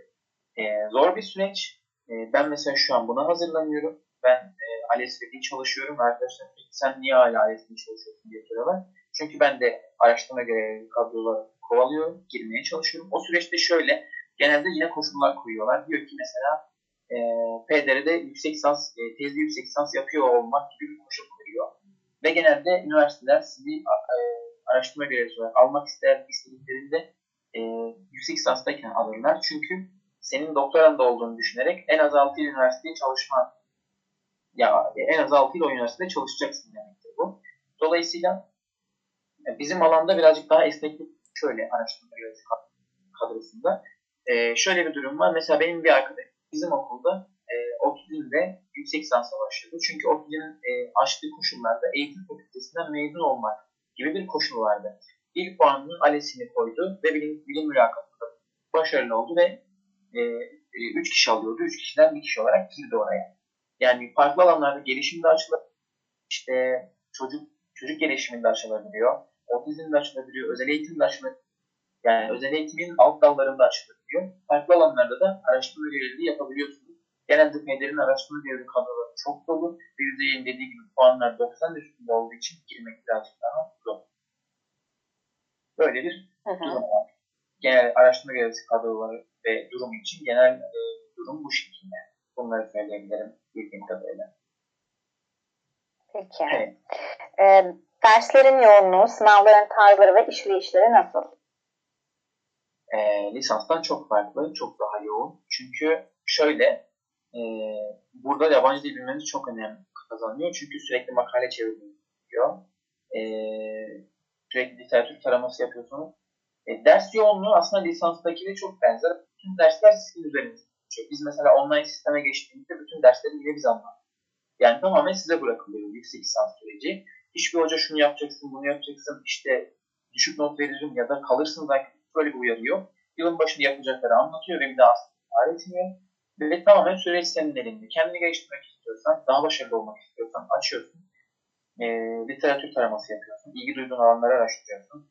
Ödevleri farklı kaynaklardan daha zengin yapıyorsun. E, dilini geliştirmeye çalışıyorsun. Yani yüksek lisans kazanmak aslında başka bir evrenin başlangıcı. Dolayısıyla özellikle dil konusunda e, arkadaşlara hani sınav geçmek e, çok önemli bir kriter ama sonrasında gelişime devam etmek, dili geliştirmeye devam etmek çok önemli. Zaten eğer hocalarınız çok sıkıyorsa, kazandığınız okullar, hocalar çok sıkıyorsa, e, çok baskı yapıyorsa zaten isteseniz de istemezseniz de o dili öğreniyorsunuz. Sürekli çeviri yapmanız gerekiyor. E, lisansa göre daha yoğun bir kontrol yok. Yani işte dönem sonunda mesela bir sınav olmadık. E, sınav olan arkadaşlarım vardı ama biz bize mesela sınav tabi tutmadılar. Çünkü bütün süreçte biz aktiftik. E, sayfalarca 30 sayfa, 50 sayfa, 70 sayfa raporlar hazırlayıp verdik. E, biz böyle bir e, değerlendirme tabi olduk. Ama tabii ki lisanstan çok daha farklı. Her şeyi kendiniz öğrenmeniz gerekiyor. Ve hep bütün süreci kendiniz yürütmeniz gerekiyor. Özellikle bu şekilde. Hı hı. E, MEB'de çalışırken yüksek lisans yapılabilir mi? Evet, bu e, şöyle diyebilirim. E, İstanbul'dan bir arkadaşım vardı mesela. Bizim okul tek gün Cuma günüydü. İstanbul'dan arkadaşım Perşembe günü uçağa biniyordu. Geliyordu, bir gün Konya'da kalıyordu. E, sabah derse geliyordu, akşamına geri dönüyordu. Erzurum'dan gelen arkadaşlar vardı. Otobüse binip 14 saat geliyorlardı her hafta. Genelde idari izinler oluyor. Yani MEB'de çalışırken yüksek lisans yapmaya devam ediyorsanız genelde idareciler izin veriyor. Çünkü onunla ilgili e, sanırım bir e, yani izin vermeleri, vermeleri gerekiyor. Böyle bir durum var. Genelde idareciler de bu konuda anlayışlı oluyorlar. E, bir gün verebiliyorlar. Ama tabii ki okulunuzun durumu çok önemli. Yani bir günlük okul. E, mesela bizim arkadaşlar, Konya'da olan arkadaşlarım da vardı. E, Aksaray'dan gelen arkadaşlarım da vardı. Dediğim gibi Erzurum'dan gelen arkadaşlar da vardı. Yani bir şekilde geliyorlardı ve o bitki yapıyorlardı. E, hocaların dersi bir güne toplamak farklı günlere yayıyorlarsa süreç nasıl oluyor çok bilmiyorum. Ama şu süreçte çok zor olmasa gerek çünkü online oluyor yani. Ama tabii ki yapıyorlardı. Yapan arkadaşlarım vardı. Ee, idareciler bu konuda anlayışlı oluyor genelde ve yapılabiliyor yani. Ve çok bir şey olmuyor. Dezavantaj oluşturmuyor yani. Son sorumuza geçiyorum o halde. Hem lisans düzeyi için hem de yüksek lisans hazırlık aşaması için önerebileceğin kaynaklar var mı? Ee, yani şimdi şöyle e, bir sürü kaynak var. Artık kaynak konusu inanılmaz yani çok geniş. E, burada söyleyebileceğim belki en önemli şey e, benim lisanstayken de hocalarım hep böyle tuttu.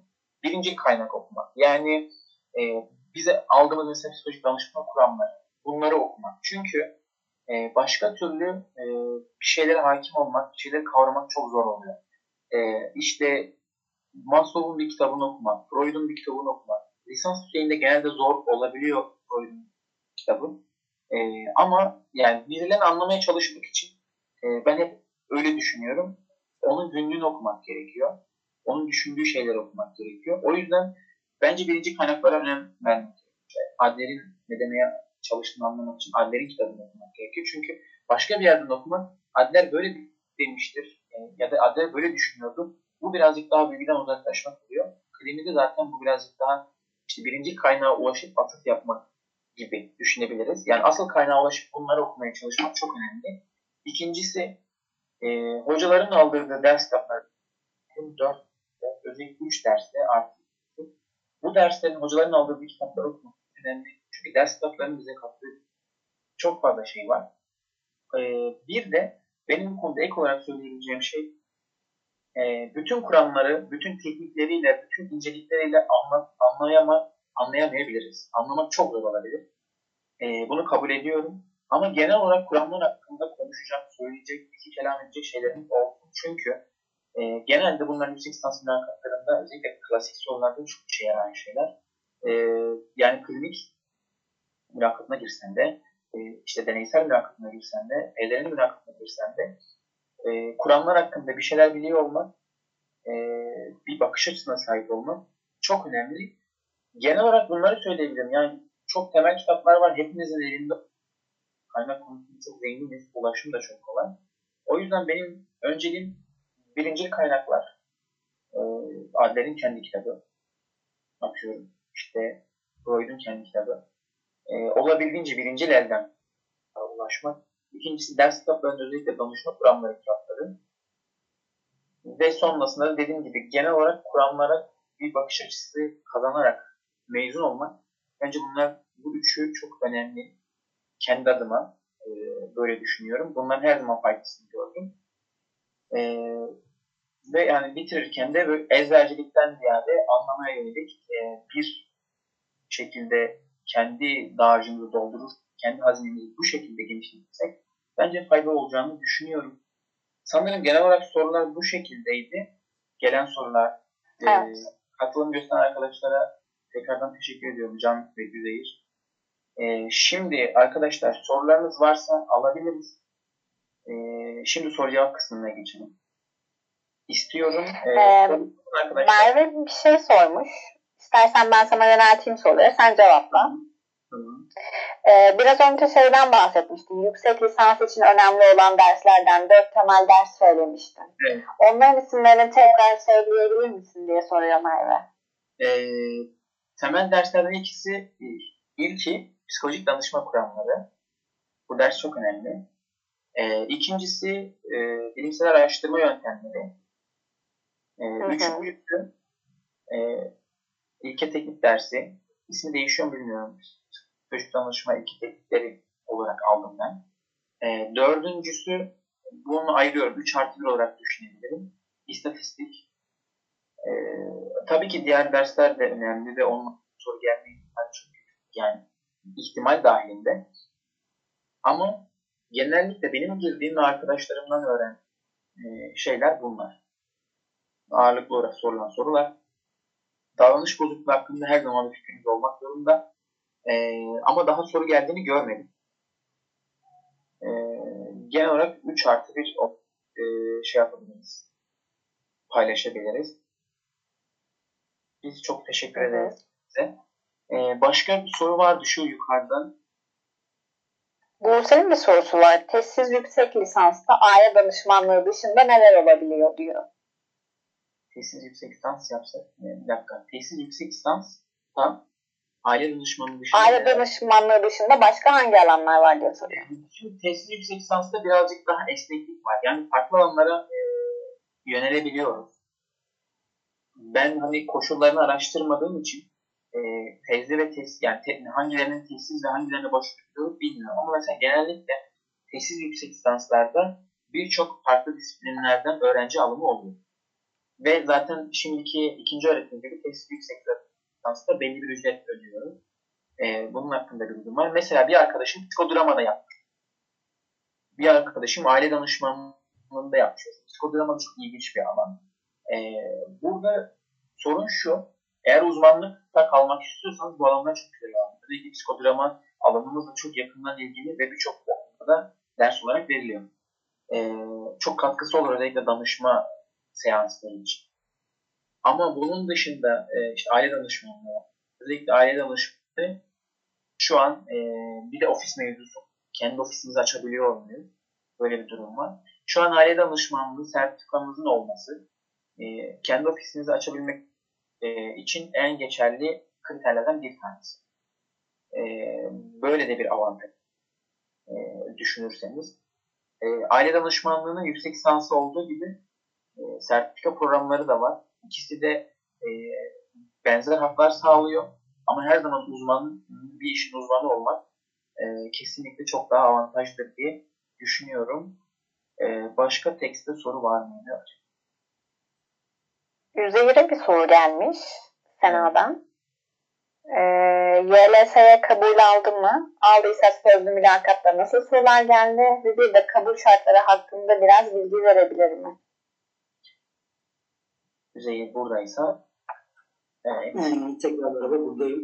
Ee, merhaba. Sorunun cevap şöyle verebilirim. Başvurdum, e, kabul al almadım.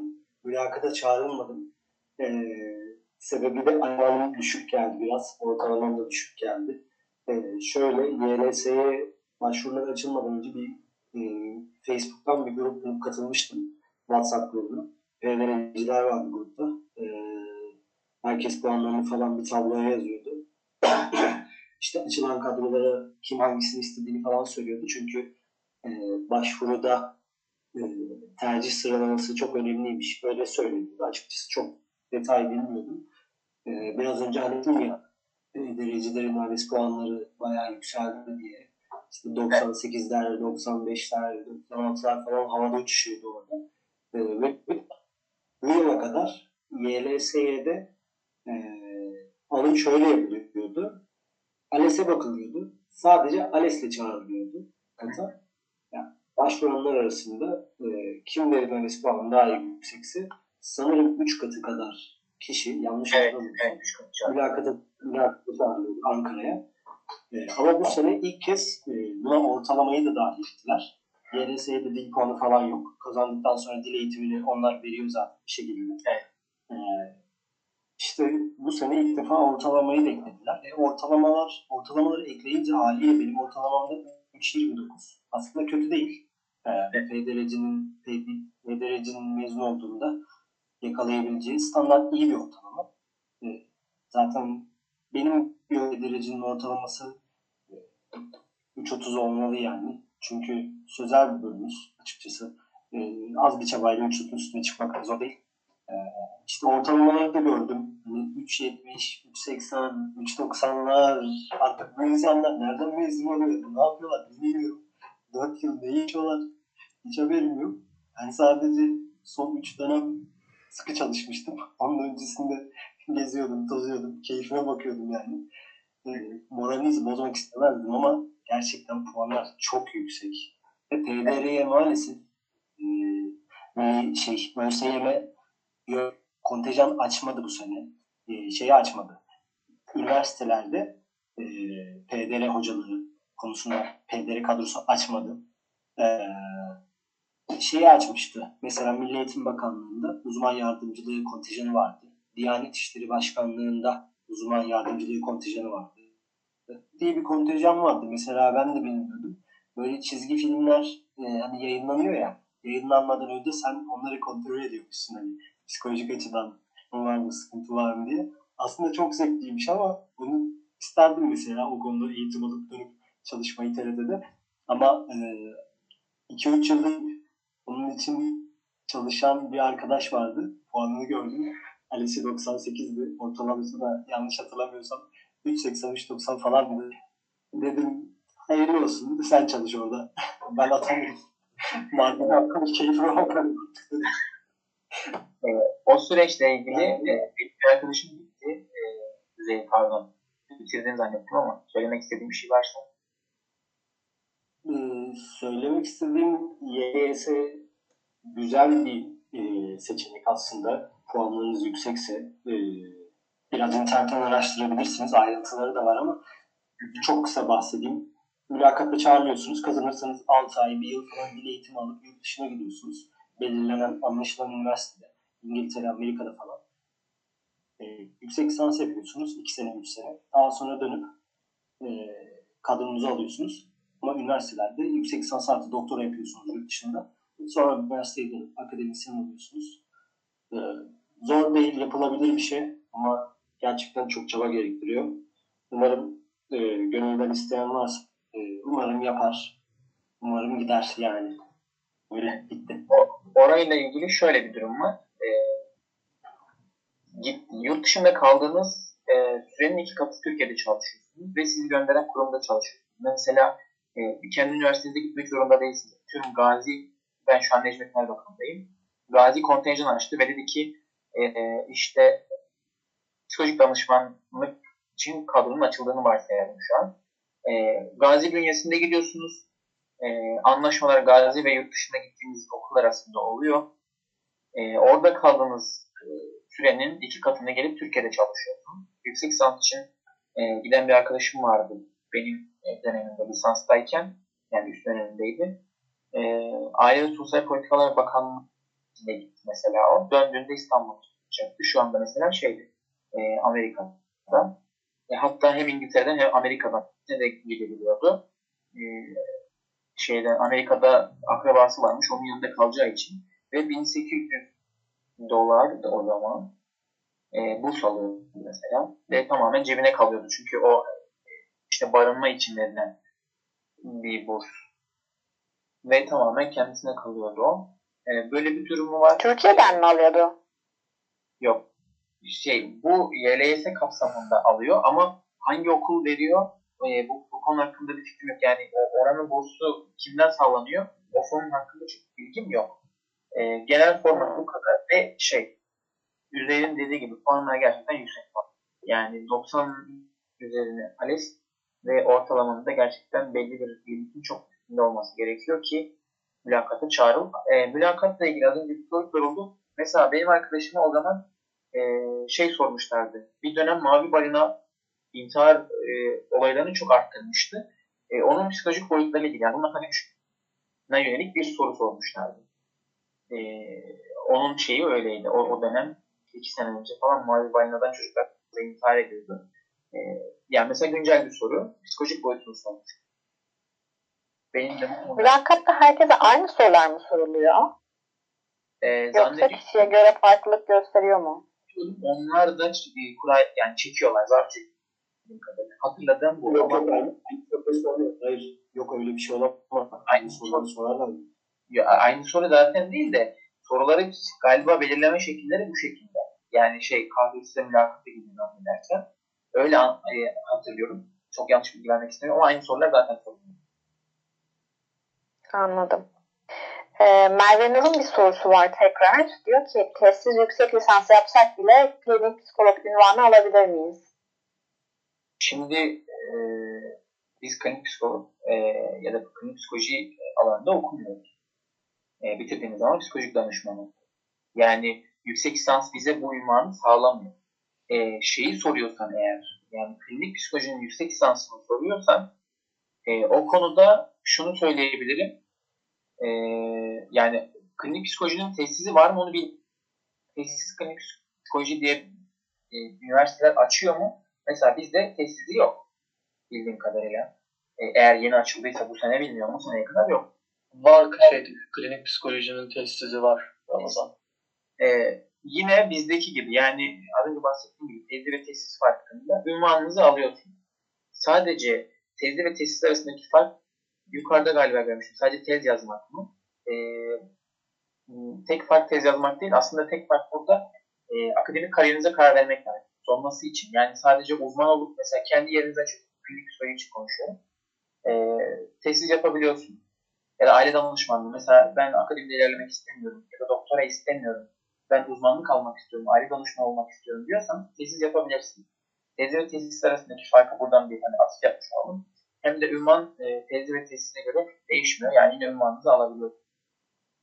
Öyle diyebilirim. Başka sorumuz var mıydı? Arkadaşlar mikrofon açıkta sorabilirsiniz. Yani tekst yazmak durumunda değilsiniz. Az önce e, yayın akışı ile ilgili olduğu için mikrofonları kapattım. dedik. Şu an sormak isteyen varsa mikrofonu açıp sorabilir. Ee, Emir galiba Şu an klinik psikoloji ücreti nedir? Yüksek lisans için toplam ayrıca özel olsak da ALES diplomaya bakılıyor mu? Bunu anlamadım. Ee, özel üniversitelerde yine ALES ve diploma puanının önemli olduğunu Can şu an üniversitede yüksek lisans kazandı ve yüzdelik dilime girdiği için burs kazandı. Yani e, burslu okuyor ve şu an ücretsiz okuyor. E, ücretleri internete yazıp e, Google'dan taratabilirsiniz. Çünkü ücretler her sene değişiyor. E, ama sadece e, bayağı yüksek e, olduğunu biliyorum ücretlerin. E, çok bir bilgim yok. Hangi üniversite ne kadar alıyor, e, aşağıda yukarıda onlar hakkında çok bir bilgim Sadece e, bunu söyleyebilirim. Yani tarayıp e, öğrenebilirsin. Ya çok kısa belki bu konuda bilgi verebilirim. Ben de psikolojiye merak ettiğim için bakmıştım. Ee, özelde yani en düşük gördüğüm ücret 40 milyarda. Onun dışında 50-60 diye yüksek. Yani iki sene e, ben bitirdiğim sene yani 2019 Haziran'da falan e, Üsküdar 50 bin civarı yani 50-55 bin bandı. En son şu an ne durumda hiç fikrim yok. En son onun tezisi 60 bin oldu diye biliyorum. Yanlış Sürekli her yıl artıyor. Hı hı. Bakalım başka soru var mı? ben bir şey sormak istiyorum. Ee, Üzeyir sanırım söylemişti bunu. Ee, lisansda okurken 3. sınıfta falan ALES'e girmiş bayağı bir kez. Ee, yani henüz lisansda okurken ALES'e girebiliyor muyuz? Ben mesela bunu bilmiyordum mezun olmamız gerektiğini falan düşünüyordum bunun için. Ya ALES'e girmek için e, hani ALES şöyle bir şey. ALES ve dil puanınızı aldığınız, girdiğiniz anda puanınızı açıklanıp 5 sene kullanabiliyorsunuz. Yani bunun için üniversiteyi bitirmek durumunuz yok.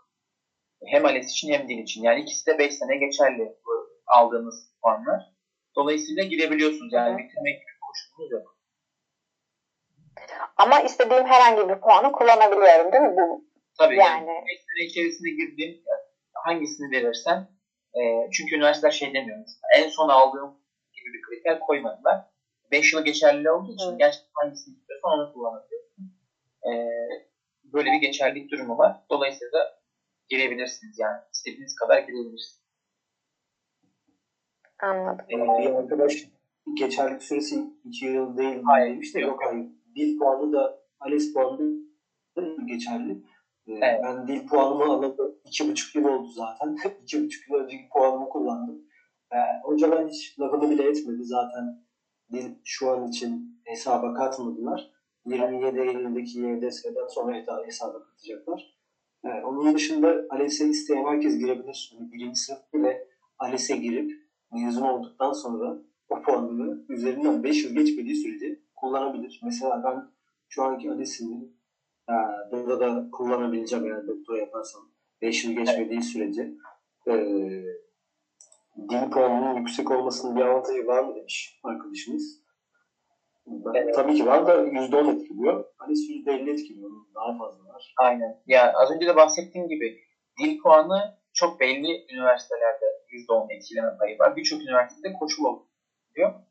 Ee, Ezgi'nin bahsettiği de şimdi şöyle arkadaşlar dil puanı dil sınavı ikiye ayrılıyor. YÖKDİL ve YDS olarak. Ee, YDS birçok kamu kuruluşlarında da geçerli bir sınav. Mesela YDS'den e, ABC seviyeleri var. Sen e, C seviyesi 85, B seviyesi yani 85-90 arası, 90 ve e, 100 arası da A seviyesi olmak üzere. E, bu sınavlara girdiğinizde ve belli nerelere başvurmanız gerektiğini bilmiyorum ama devlet size dil tazminatı ödüyor. Yani bu sınavlara girdiğinizde kamu personeliyseniz yani, yani kamuda çalışıyorsanız devlet sizin yabancı dil bildiğinizi e, bildiğiniz için size dil tazminatı ödüyor. Dolayısıyla e, böyle bir geçerliliği var. YDS YÖKDİL için bunu yapmıyor. Ee, bizde de şunu da ekleyeyim geri gelmişken YÖKDİL ve YDS'nin hangisine başvur diye sorarsınız da ee, sosyal bilimlerde YDS ve YÖKDİL mesela fen bilimlerinde bazen özellikle YDS isteyebiliyorlar. YDS çünkü daha zor bir sınav. Ama ee, bizde YÖKDİL ve YDS farkı yok. Yani ben YDS'den 60 almıştım. YÖKDİL'de 75 almıştım. 75 ile başvurdum. e, yüksek olması şöyle. Koşul olan üniversitelerde mesela diyor ki en az 50 almış olması diyor. Yani 50 alanla 90 alan arasında çok fark yok teorikte. Ama akademiye girdikten sonra çok büyük fark oluyor. Yani sizin dil bilip bilmediğiniz veya bu yönde gelişim gösterip göstermediğiniz çok önemli. Böyle bir fark çıkıyor ortaya. Ee, Peki ikinci bir dil bilmemiz e, bir avantaj sağlar mı bize? İkinci bir, ikinci bir dil bilmen, e, ikinci bir kaynak okuman demek. Yani İngilizce artık Fransızca biliyorsan Fransızca literatürünü de tarayabilirsin. Bu da seni her anlamda zenginleştirir. Hem tezini zenginleştirir hem seni zenginleştirir. Ve yani yapılan çok nitelikli tezler gerçekten e, doktor içinde inanılmaz e, artı sağlıyor. Senna, benim bir sorum daha var. E, öğretim görevlisi akademik kariyer için tekrar ALES YLS'ye hazırlandığını söylemiştim.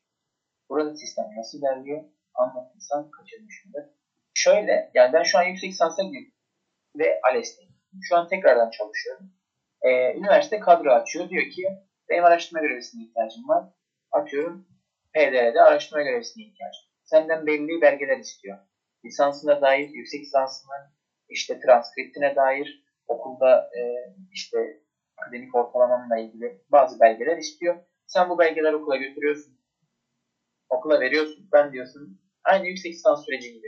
Ben bu kadroya başvurmak istiyorum diyorsun. Kaç kişi başvuruyor? E, atıyorum bir kişi alacaklar. E, 10 kişi çağıracaklar. 30 kişi başvurdu. İşte ilk ona girersen seni çağırıyor, mülakata alıyor. E, araştırma görevlisi kadrosunda dil puanı çok önemli. Çünkü senin dil bilip bilmediğin çok önemli. Yani hocalar bunu bir kriter olarak değerler. Tabii ki Alice'in yine %50'si alınıyor. E, dilimler okey. Ama e, burada hmm, dil bilmek yani senin 98 YDS veya YÖK dil puanı alıyor olman hocalarda psikolojik bir e, baskı yaratıyor. Ama tabii ki üzerinde dediği gibi kadro olaylarında dönen torpiller e, haddi hesabı yok. E, yani sadece şöyle bir örnek verebilirim. Karaman'a iki senedir PDR açıldı mesela. E, bir tane asistan alınacak, araştırma görevlisi alınacak oraya. İlk başvuran kızın dil puanı 100'dü. Alesi 87 falandı. E, elendi. Yani e, başka sebeplerden elendi. Yani bu böyle işleyen bir sistem var. Kadroda özellikle. Yani yüksek lisansta çok fazla olmasa da akademik kadro için inanılmaz e, şeyler olabiliyor. Ama tabii ki de hakkıyla bilen e, tanıdığım insanlar var, arkadaşlarım var. E, bu sistem her zaman böyle maalesef. Buna da üzülerek e, belirtmek zorundayız. Başka soru falan var mı arkadaşlar? Gözden kaçırdığımız soru varsa bize seslenebilir. Tekrar kontrol ediyorum ben var mı diye. Sorusu olan arkadaşlar mikrofonu da açabilir mi? Tekrarlamış olalım. Sesinizi de duymak isteriz. Rica ederim.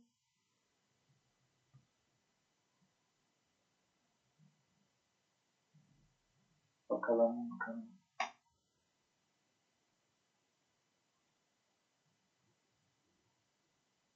Yüksek lisans bitince hemen doktoraya başlamıyorum. Bu biraz sizin akademik çalışmanızla alakalı. Ee, yani ne demek? Ee, yüksek lisansı bitirdiğiniz anda doktora baş varsa e, direkt başvurabiliyorsunuz ve kazanırsanız direkt girebiliyorsunuz. Yani arada bir e, es payı yok. Bekleme payı yok. E, o sebeple girebiliyorsunuz. Evet. Ramazan Hocam benim bir sorum var ya. Bilmiyorum. Bir dakika şu sorunun devamını cevaplayayım Üzeyir. Yani ayrıca sınav yok değil. Doktorada da yüksek lisans sürecinin aynısı arkadaşlar. Yine dil puanınız, ALES puanınız e, bunlar geçerli. E, o yüzden e, sistem bu şekilde yani. E, tekrardan sınav dediniz. Yine bir mülakat sınavı oluyor. Yani akademide yüksek lisansa girdikten sonraki süreç hep aynı arkadaşlar. Kadro almak için de böyle. E, siz doktoranızı bitirdiniz e, ve bir üniversiteye girmek istiyorsanız yine mülakatlara giriyorsunuz. Yine puanlarınız önemli. Ya bundan sonra akademik süreç birazcık zorlu e, ama bence keyifli. Şimdi Üzeyir'in sorusunu alabiliriz.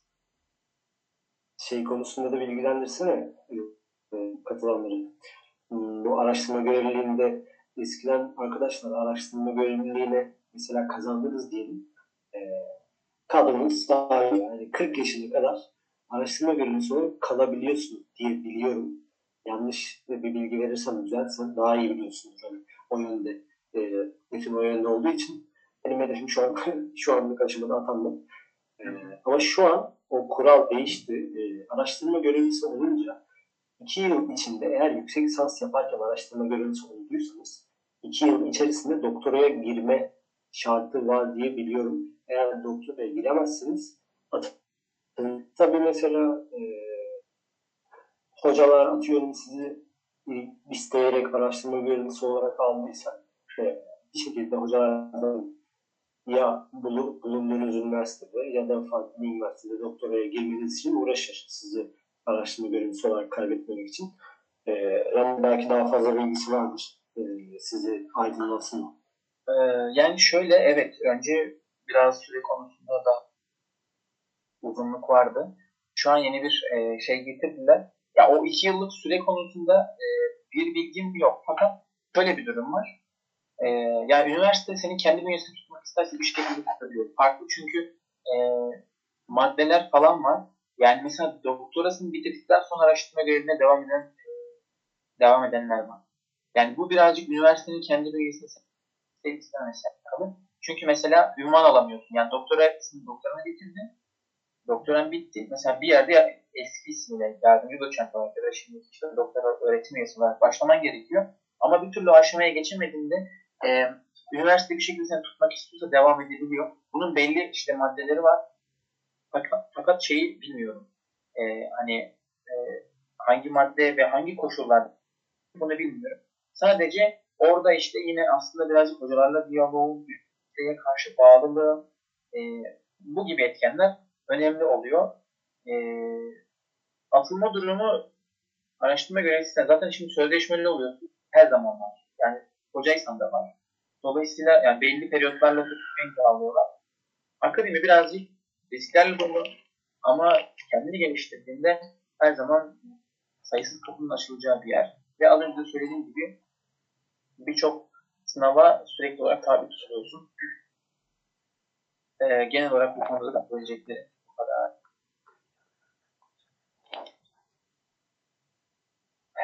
Evet. Biz teşekkür ediyoruz herkese. Başka sorusu olan varsa sorularınızı alabilirim. Sorularınız yoksa yavaş yavaş toparlayabiliriz. Bakalım başka gözden kaçırdığım soru oldu mu?